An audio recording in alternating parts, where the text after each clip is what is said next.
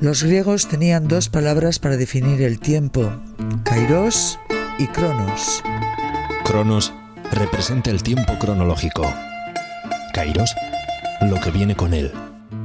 Momentos importantes, en lugar de las infinitas posibilidades. Esto es Kairos y Cronos.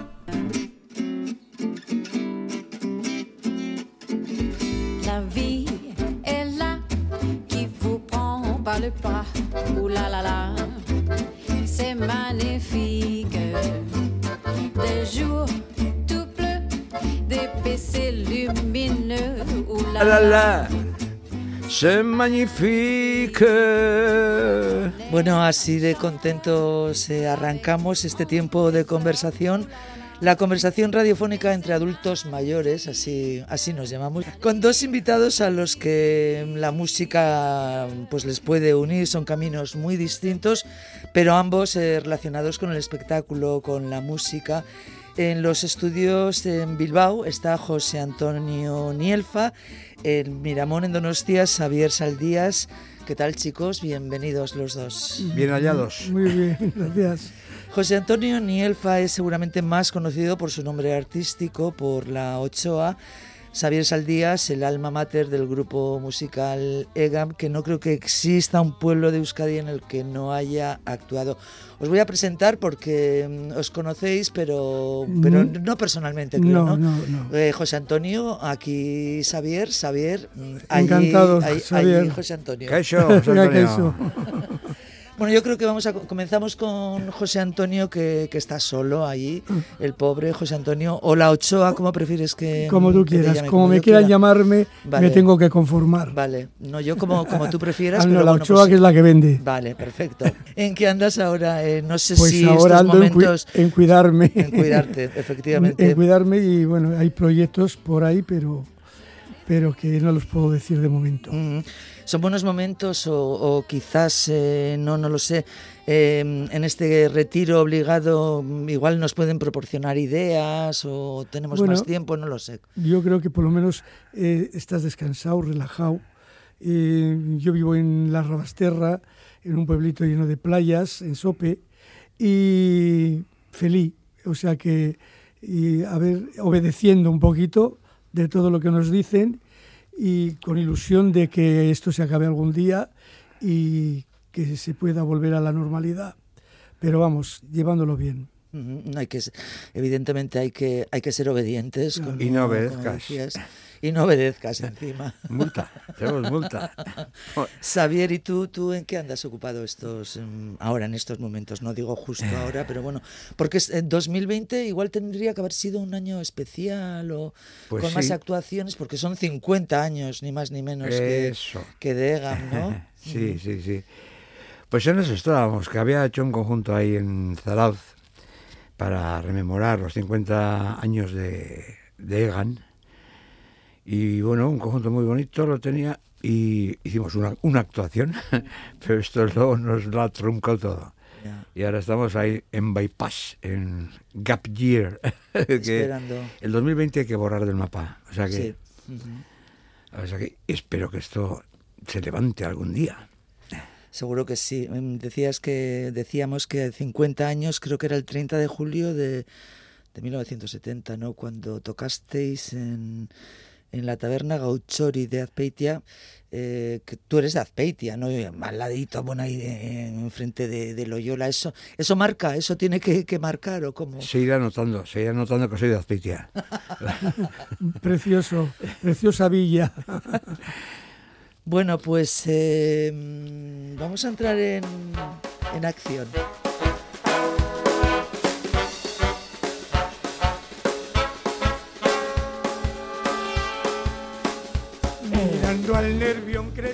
Todo un icono de Bilbao, personaje de su historia reciente, cantante, transformista, hostelero y casi futbolista.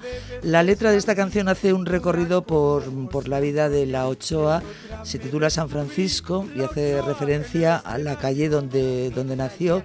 San Francisco, eh, la calle, justo al lado del barrio rojo, conocido como La Palanca, un barrio de sexo y locales con neón, de espectáculos, con cabarets y orquestas noches de bambalinas y vicios inconfesables, supongo. Creo que tu familia tenía un bar por esa zona y claro, mm, eso, eso significaba estar como, como en casa, te gustaba ir a curiosear, eh, ¿qué es lo que pasaba por allí? ¿Cómo pues fue, la verdad que mi bar... ¿Cómo fue ser es un que no- niño? No, ahí? tiene nada que ver, eh, no tenía nada que ver San Francisco con la calle Las Cortes. San Francisco era un barrio muy importante de los 60, 70, 80 en Bilbao, eh, que hacía la competencia a la Gran Vía y al Casco Viejo en el comercio, en la hostelería y vamos, y sobre todo ahí acababan todos los chiquiteros la ruta, ¿sabes?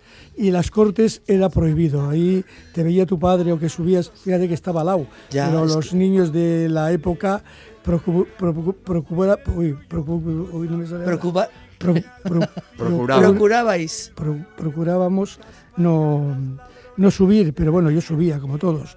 Eh, y veía pues toda la gente, bueno, pues había, había como 70 o 80 locales con orquesta, músicos y atracciones. Y a mí, pues como digo yo, cuando me preguntan em, cómo te dio por, mm, por ese tipo de canción, y por, si es que nací en el sitio adecuado, desde crío lo viví, o sea que tenía que ser eh, ese, la doble intención, el cabaret, lo que, lo que me llamaría y lo que, bueno, en fin, mi- eso fue mi- mis inicios y, y al- eh, mi inspiración.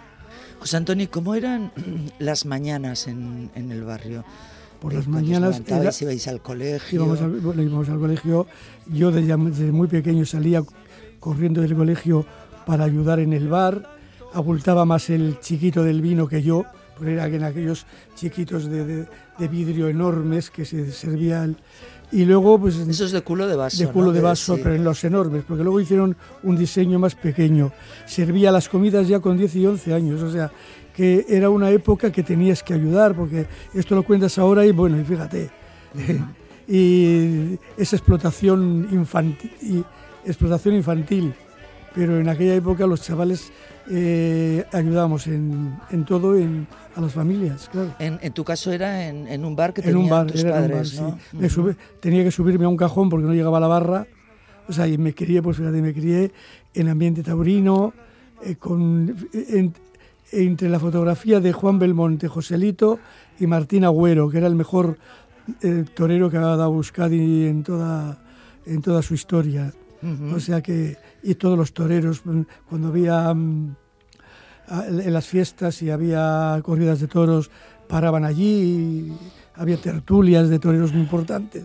O sea que un, en un ambiente de toros, fútbol y ahí, ahí me crié. Pues dejamos la ciudad, el Bilbao un gris de los años de niñez de José Antonio y nos vamos a detener en el corazón de Guipúzcoa, en la comarca de Urola Costa, en la localidad de Azpeitia. Ya hemos dicho que, que Xavier es de allí. ¿Cuántas veces has cantado esta canción? Una, una versión de Anison, ¿no? Ah, Sí, de John De Denver. John Denver. John Denver, sí. Del Bercholari, la letra del Bercholari y Billy- poeta Bill Lynch. Bill Lynch. El entorno de, de tu niñez, evidentemente, le estabas escuchando a José Antonio absolutamente distinto al tuyo, ¿no? Hombre, Tú en un pueblo más rural, Euskaldun, bucólico. lo que decíamos con, con la basílica de, de Loyola, que yo creo que eso, mm, te- te decía antes, tiene que, que- que marcar.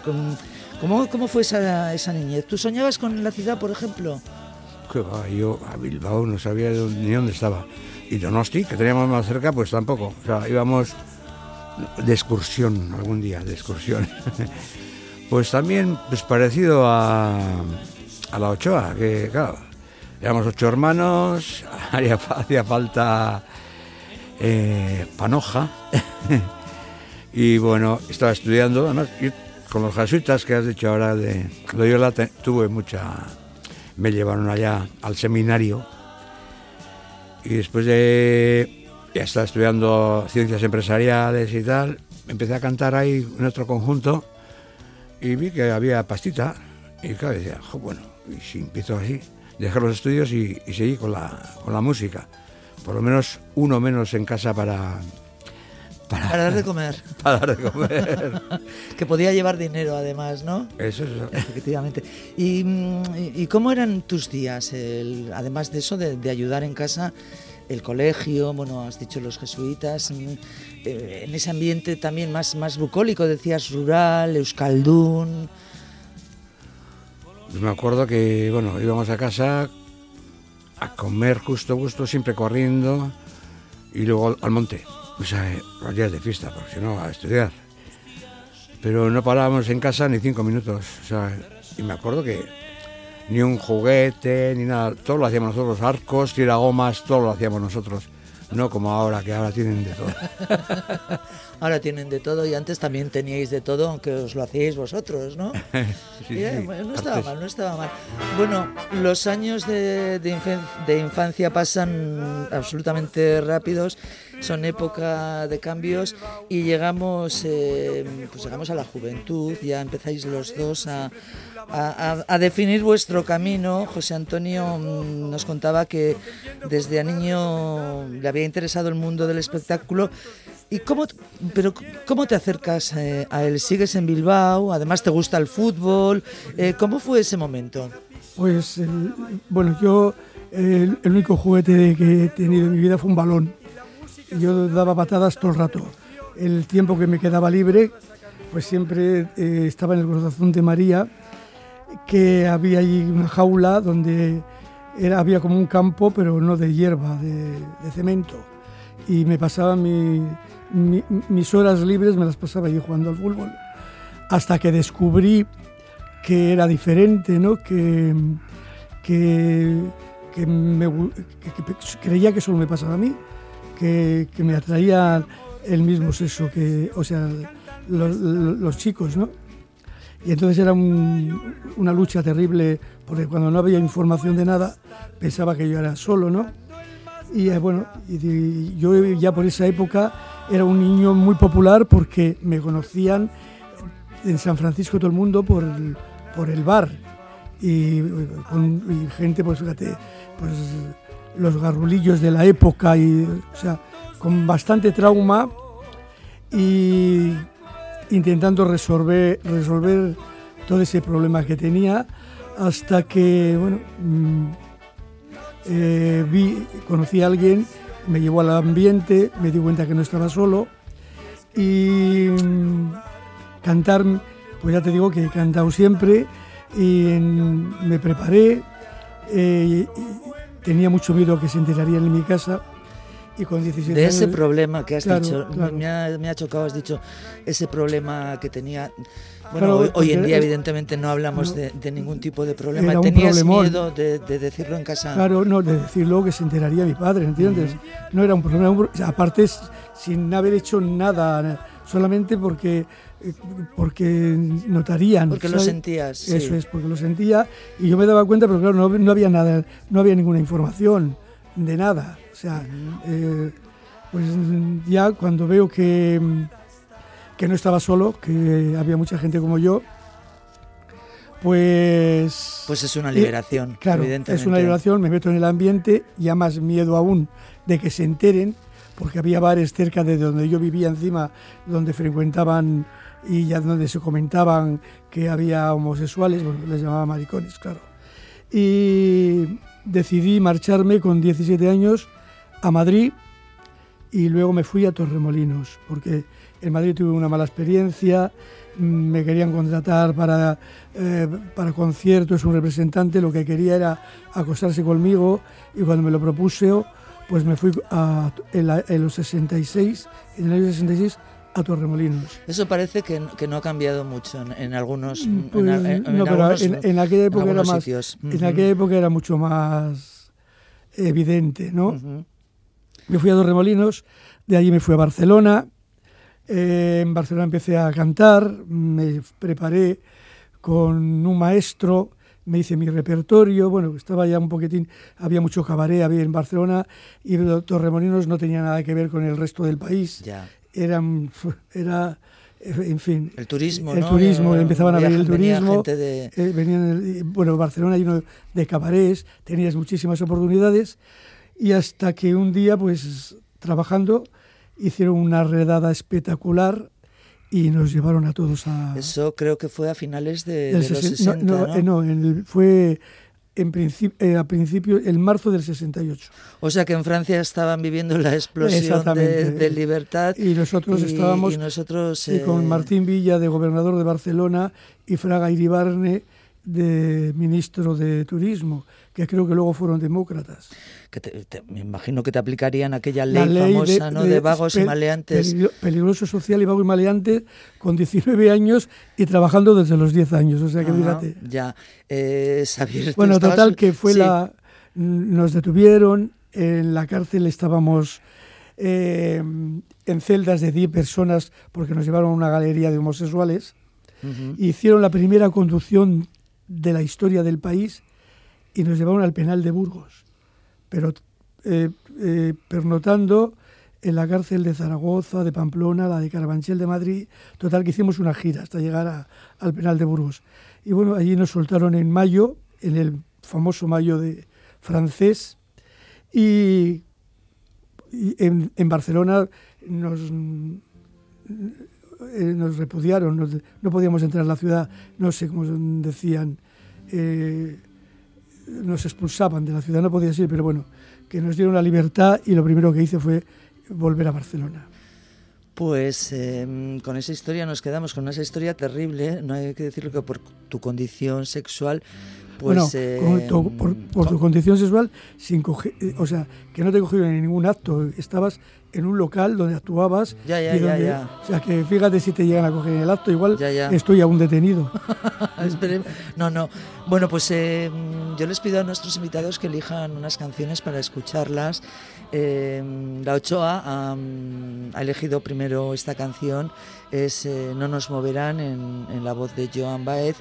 Supongo que evidentemente es porque es un himno de libertad. Exactamente, porque era un himno a la esperanza. Cuando yo la escuchaba, digo, pero aquí no va a llegar nunca la, la libertad, la democracia, en fin.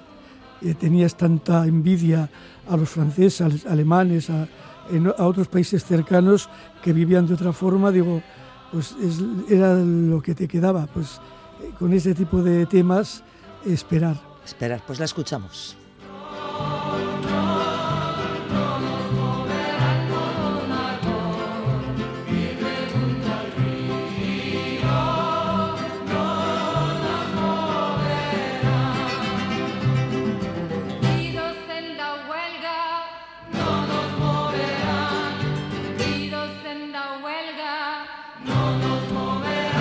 La, la, la.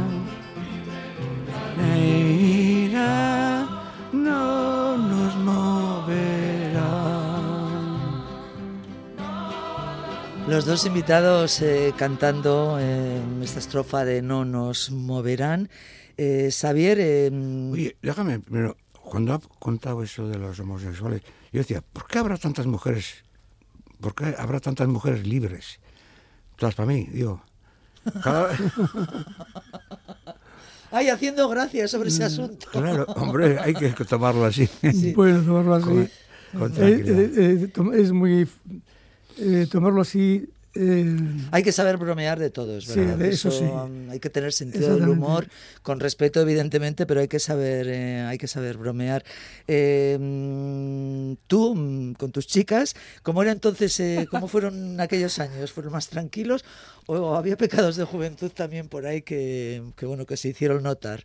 Bueno, nos tocó romper con un tabú que, claro, para entonces, entonces eh, las relaciones prematrimoniales no estaban admitidas. Bien vistas. Bien vistas, no, no, la iglesia no lo admitía. Entonces decías, a ver, yo si tengo que casarme con una y tengo que ir al matrimonio sin conocerla, joder. Y luego, si me toca macho, ¿qué hago con él?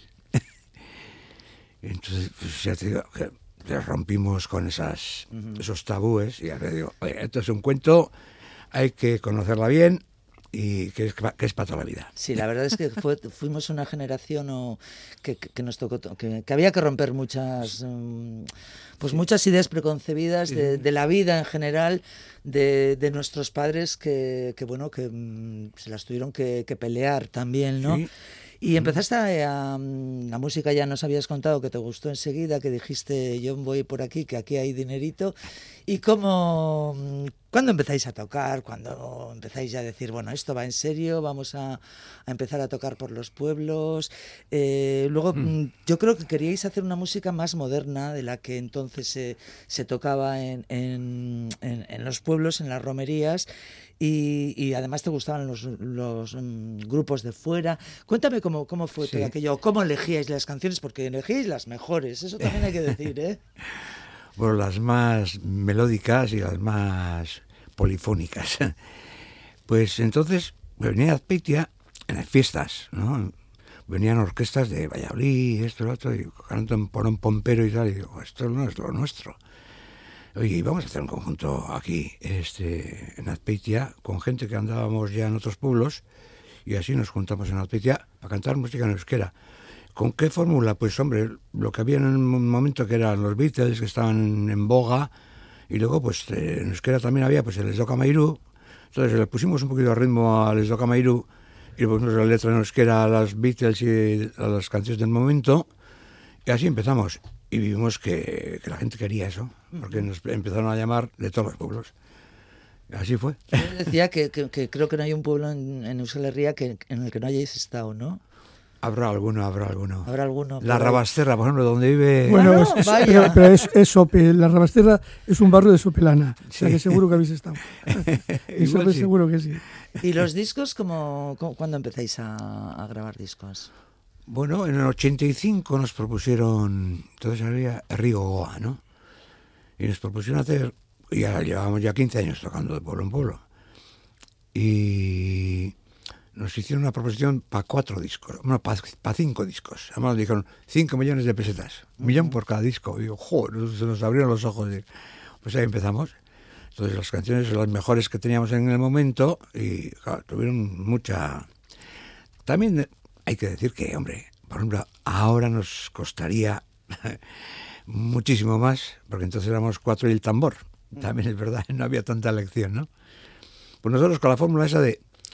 eh, al final conseguimos darle a la euskera, pues, nivel, el nivel que le correspondía, eh, porque hasta entonces en euskera pues eran los cantautores, luego pues estaba pues eh, y el chistu y el acordeón. Y entonces pues le dimos ya con instrumentos actuales o actualizados en ese momento pues una dimensión mayor. Y el público respondía, bailaba la gente. Claro, ¿no? claro, hombre. Ajá. Sí, sí. Por bailar, bueno, bailaba distinto que ahora, porque Ajá. entonces era bailaba al agarrado la gente. Nosotros también, al principio, pues se tocaban primero las tiquetisas y todo esto, y toda la gente esperando. Empezábamos las lentas y bueno, allá íbamos todos corriendo. Todos a, todos a bailar. Eh, mm, luego eh, llegó eh, Queen, a, vosotros os cambió, ¿no? Os oh. cambió, o a ti personalmente igual te cambió la vida, ¿no? A mí. Musicalmente. Cambiar la vida, bueno, a mí me... Sí. Oh, esto es una... Chef d'oeuvre. Obra, obra maestra. Era canción que ha elegido Xavier Saldías, Bohemian Rhapsody de Queen. La escuchamos.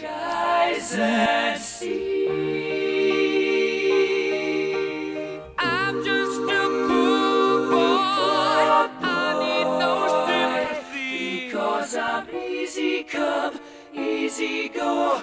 Little high,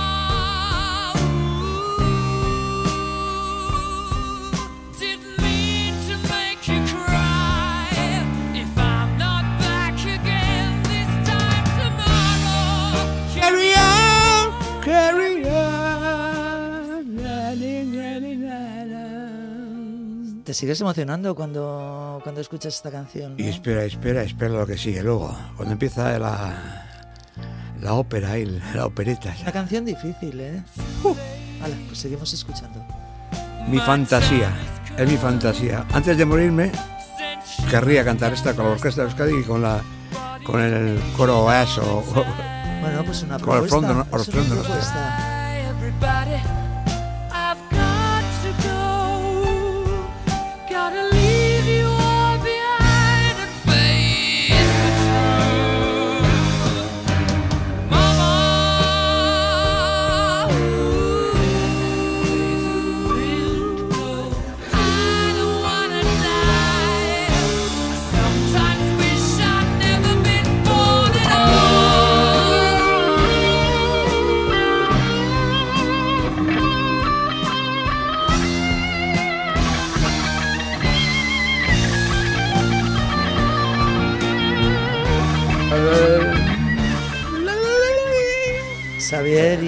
fantasía. Xavier Saldías, que antes de morir dice que quiere cantar eh, esta canción con la, con la orquesta de Euskadi Y el Orfeón y con, y con el Orfeo Mi- mi- Donostiarra. mi- Mira lo que viene ahora. I see a little silhouette of a man. Scaramouche, Scaramouche, will you do the fandango?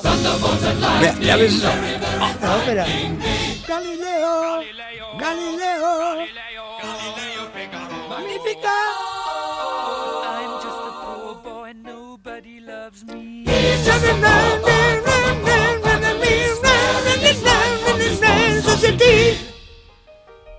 ¿A la Ochoa le gusta esta canción? Me encanta. Bueno, qué bien. Estás disfrutando también. Claro, porque es, es como un musical. un- un- es de interpretar mucho. No, es muy difícil, es una canción muy difícil que fue éxito, pero semanas y semanas. Freddie Mercury. wow, eh, ¿Has visto la película? sí. ¿Y te ha gustado? Fíjate, esta canción la habían desechado por, por muy larga. Y fíjate luego. Ya. Ya está, ya, ya, ya. Orgasmo total.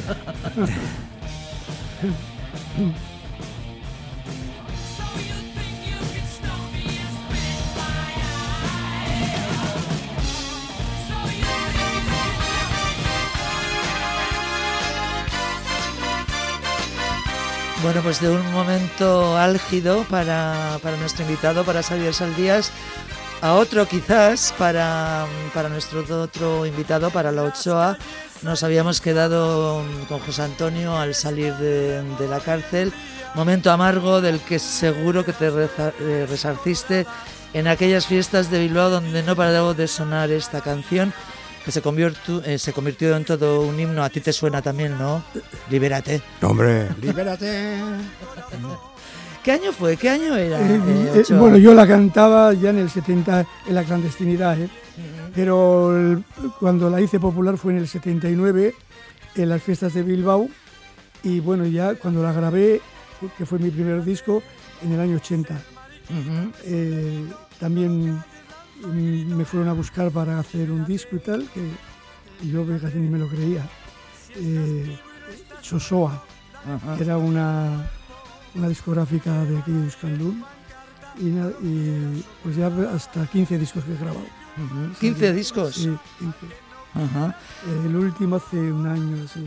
Pues que representó, pues representó que yo ya, yo ya me dedicaba a la hostelería, me había dedicado a la hostelería, del espectáculo no quería saber nada, porque no veía futuro y de repente pues eh, canto para las fiestas de Bilbao por una casualidad en una chosna y, y armé la revolución.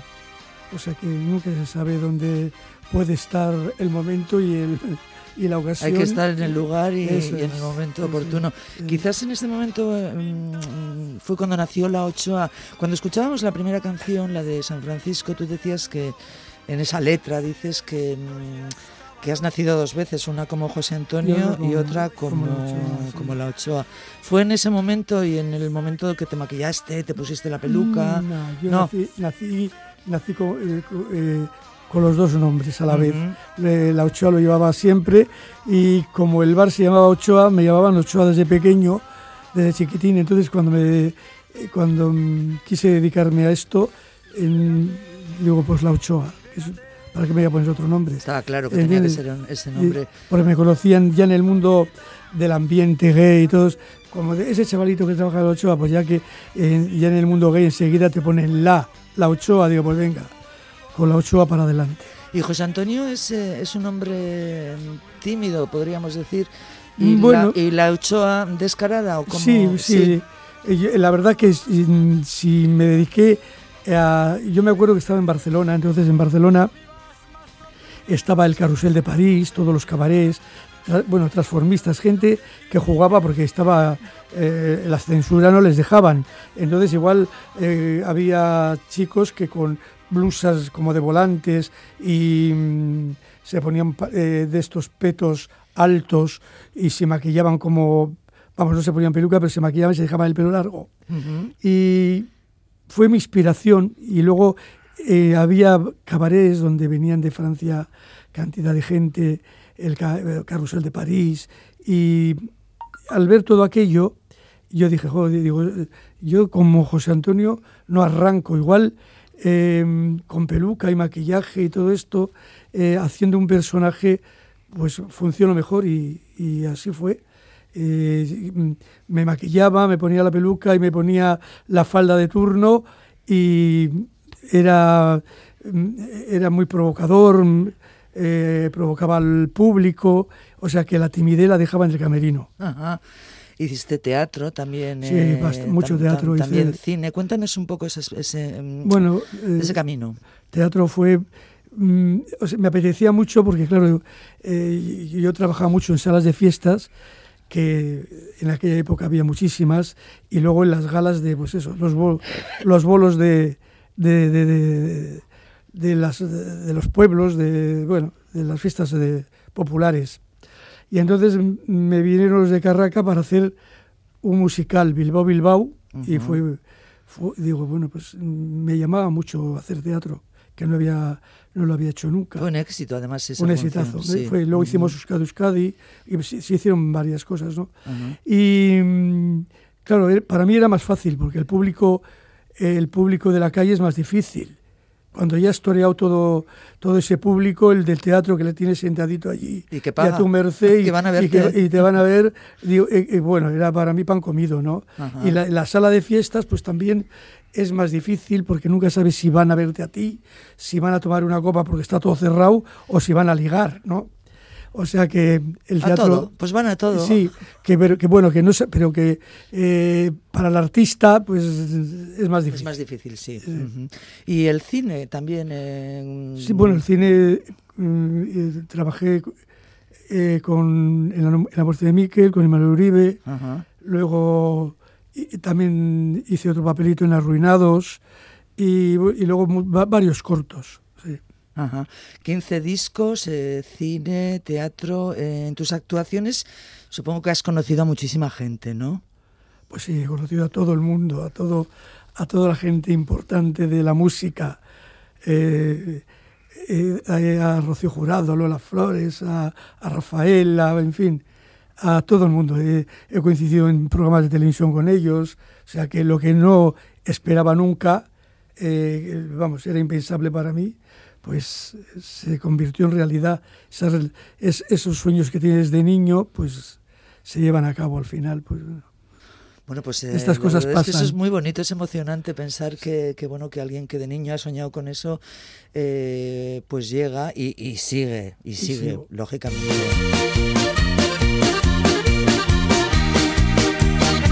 Lurralde benetan argia Eguzkitzu eta berua Bertan jatorrizko jargiak Se ríe, se ríe, Mariano. Saber, se ríe Xavier Saldías que está cantando esta canción. ¿Qué, ¿Por qué? ¿Qué pasa? ¿Qué pasa con esta canción? Me- porque ya sabes, yo, yo voy a- eh, Luis Mariano es un, vamos, tenemos una asociación nosotros aquí en Bilbao que vamos cada año al cementerio donde está él a llevarle flores y me emociona mucho. Pero, pero esta es una canción de Egam, ¿eh? Es, eh, es Ya, ya, pero- cantando en euskera. Ya, ya, pero México. es, es México, sí, pero Muy es- bien, perfecto. eh,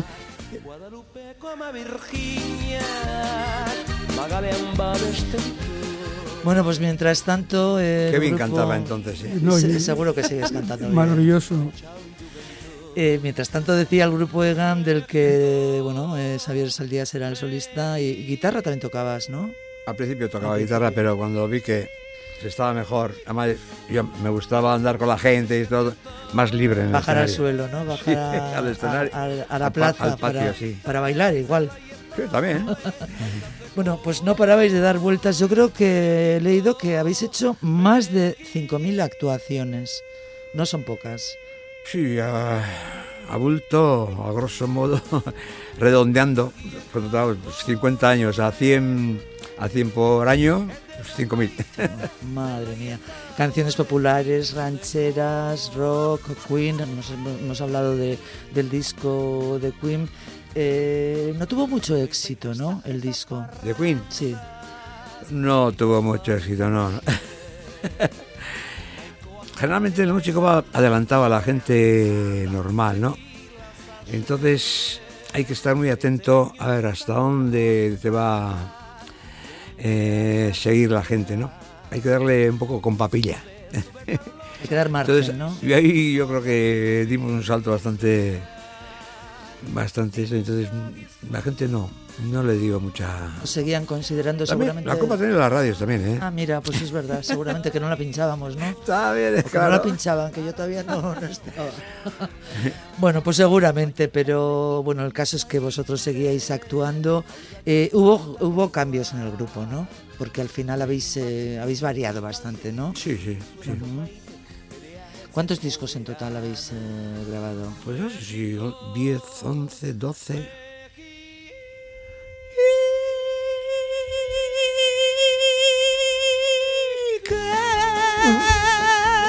Ah, mira, todavía, todavía me queda. ¿eh? Todavía le queda voz. ¿eh? es que se- Qué falsete, man. eso era, vamos, característico tuyo, ¿eh? ¿Quién cantaba? Yo soy el amo del falsete. eh, yo tenía un chorro de voz. Eh, que Este era, ¿cómo era? ¿Pedro Infante? ¿O Jorge Negrete? Ah, no sé. Sí, Alguno de ellos. sí, sí. Oe, había desayunado bien ese día. El día de la grabación, ¿no? El día de la grabación.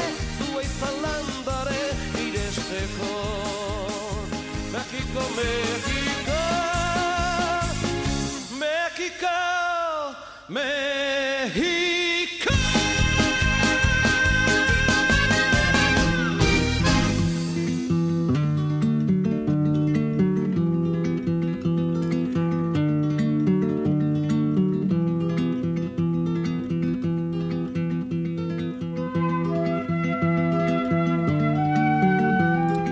es el segundo tema que ha elegido la Ochoa para, para acompañarnos en, en este, en esta conversación.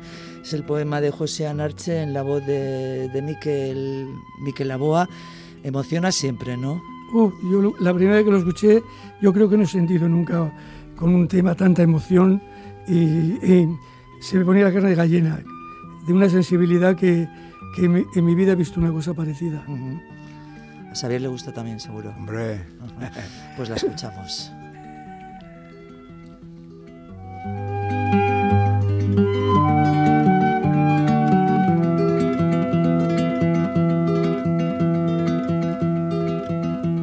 Egoak ebaki banizkion Neria izango zen Ez zuen alde egingo. Egoak ebaki banizkion Neria izango zen.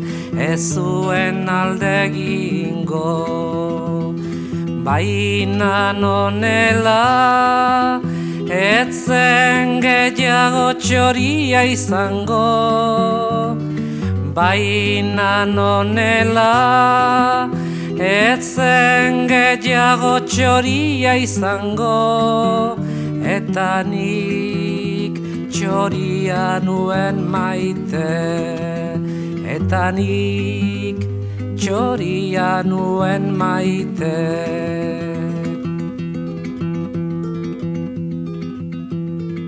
Lepoak ebaki banizkion Neria izango zen Ez zuen alde ingo Baina nonela Ez zen gehiago txoria izango. Baina nonela Etzen gehiago txoria izango Eta nik txoria nuen maite. Eta nik txoria nuen maite. Sortu ginen enborberetik Sortuko dira besteak. Burruka hortan iraungo duten Zugaitzardaska gaztea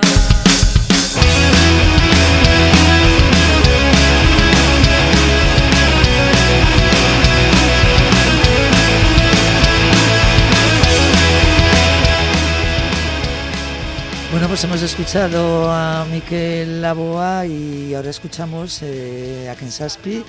Eh, empezaba, por cierto, Miquel Laboa con esta preciosa canción. Eh, el texto es de Xavier Lete, la ha cantado casi todo el mundo, eh, Miquel Laboa, y ahora Ñaute Lorrieta. ¿Por qué has elegido esta canción, Xavier? Bueno, porque, bueno, justo hacemos 10 años que se murió Xavier Lete, como compositor, como versolari, como letrero, Como muy, muy bueno.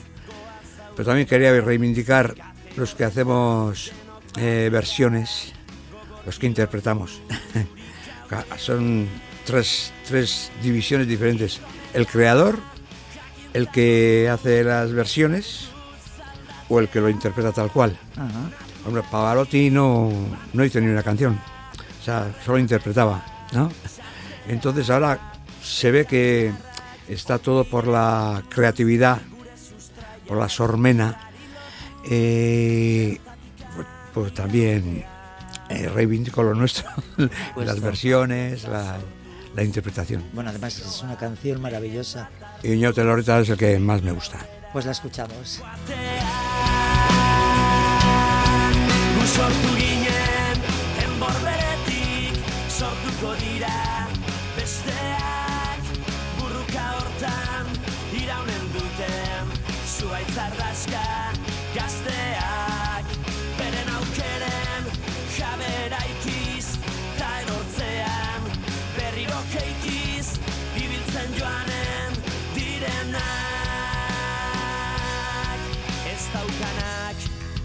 Oidaki eukitzea zein den ona. Bere premiak bete nahirik beti bizi da izona. Gu ere zerbait bagera eta gauden tokitik hemendik bertan saia gaitezen ikusten. Ametxeroak bazterturikan sasi zikinak bingo zerreta bide hon bat aukeratzen. Gizonen lana kakintza dugu ezagutu zaldatzea.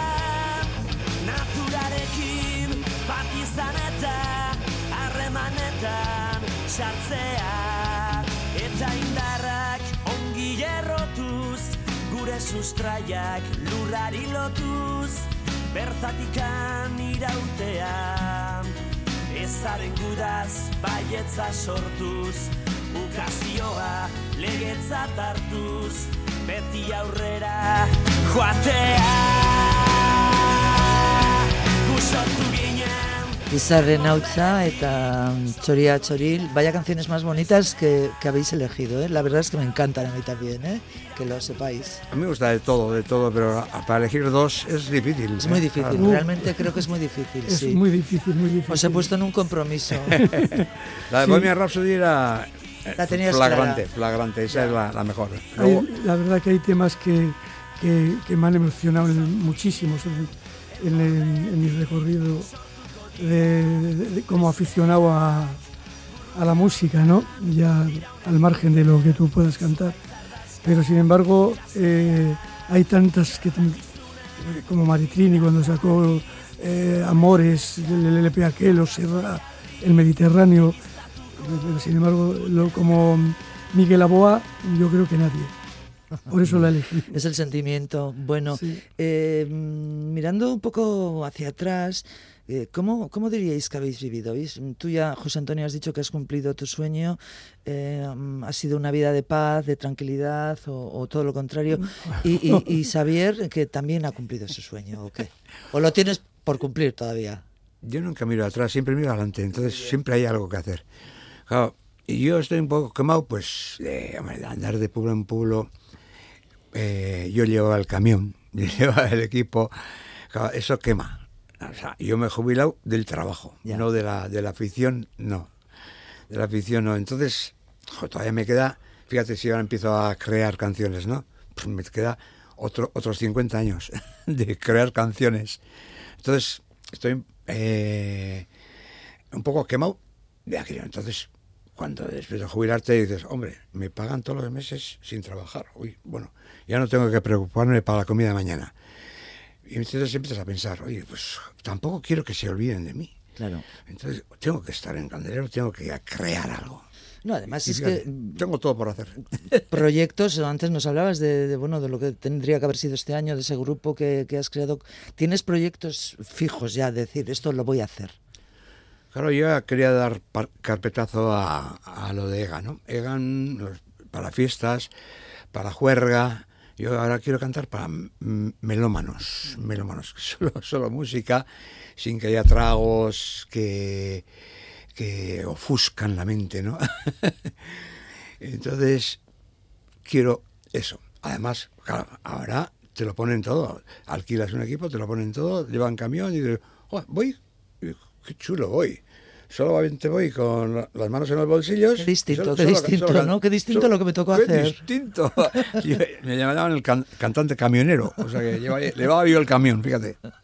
Ochoa, y, y, y tú que ya nos has dicho que, que no podías desvelar casi nada, pero, Mm, bueno, pero creo que algo sí, seguro. No, no puedo, porque es un proyecto muy importante si sale. Y, y es sobre mi vida, ¿no?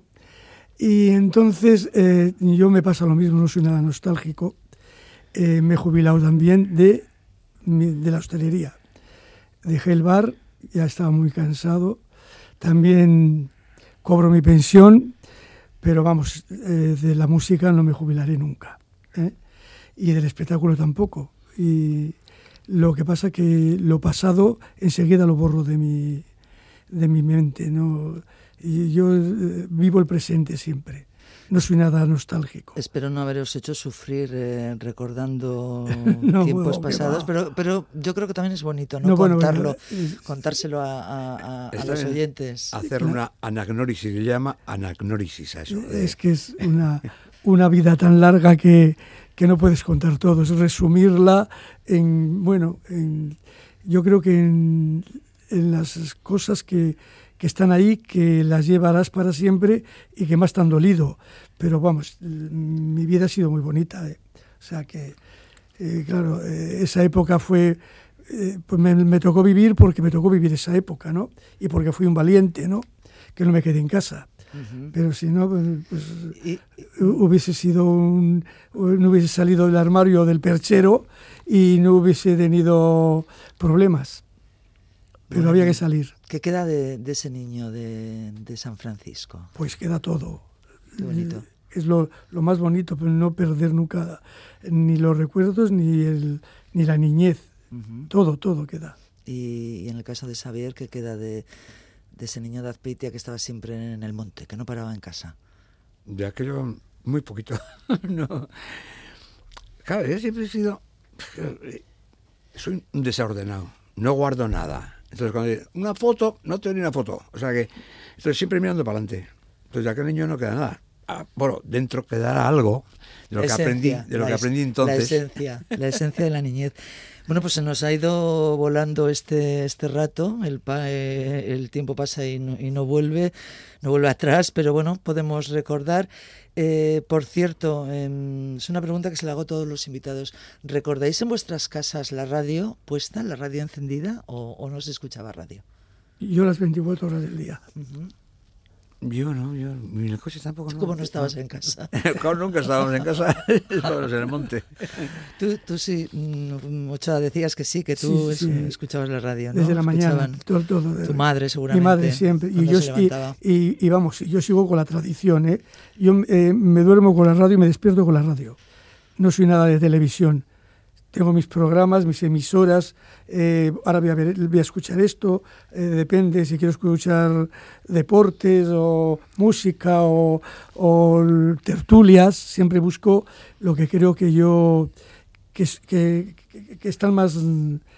que son más. La compañía, la compañía de la radio. Sí, pero y informarte. y Exactamente, en la- en la información Ajá. busco la pluralidad, ¿entiendes? Ajá, Mucho. ujú. Bueno, pues muchísimas gracias, mil gracias por haber compartido. Yo he este venido rato. a hablar de mi libro. Ah, pues habla, habla. habla de tu libro. ¿Te acuerdas? Con Sí, Mercedes Milá. Me acuerdo de Paco, Umbral. Paco Umbral. Sí, sí. De mi libro. Habéis venido a, a compartir un ratito, a, a charlar. Eh, lo dicho es que Ricasco ha sido un placer. Eh, en la técnica, Miquel Lolazábal, el saludo de María José Villaverde y las voces de Amara Portuondo y Natalia Lafourcade. Tú me acostumbraste, es un bolero romántico que me gusta a mí y os lo dedico. Muy bien. Agur. Descargas con Agur, agur.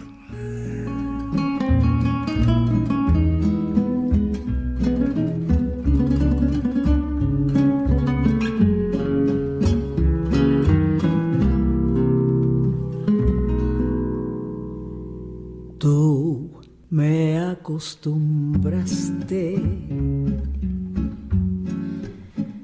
a todas esas cosas y tú me enseñaste que son maravillosas. Sutil llegaste a mí como la tentación,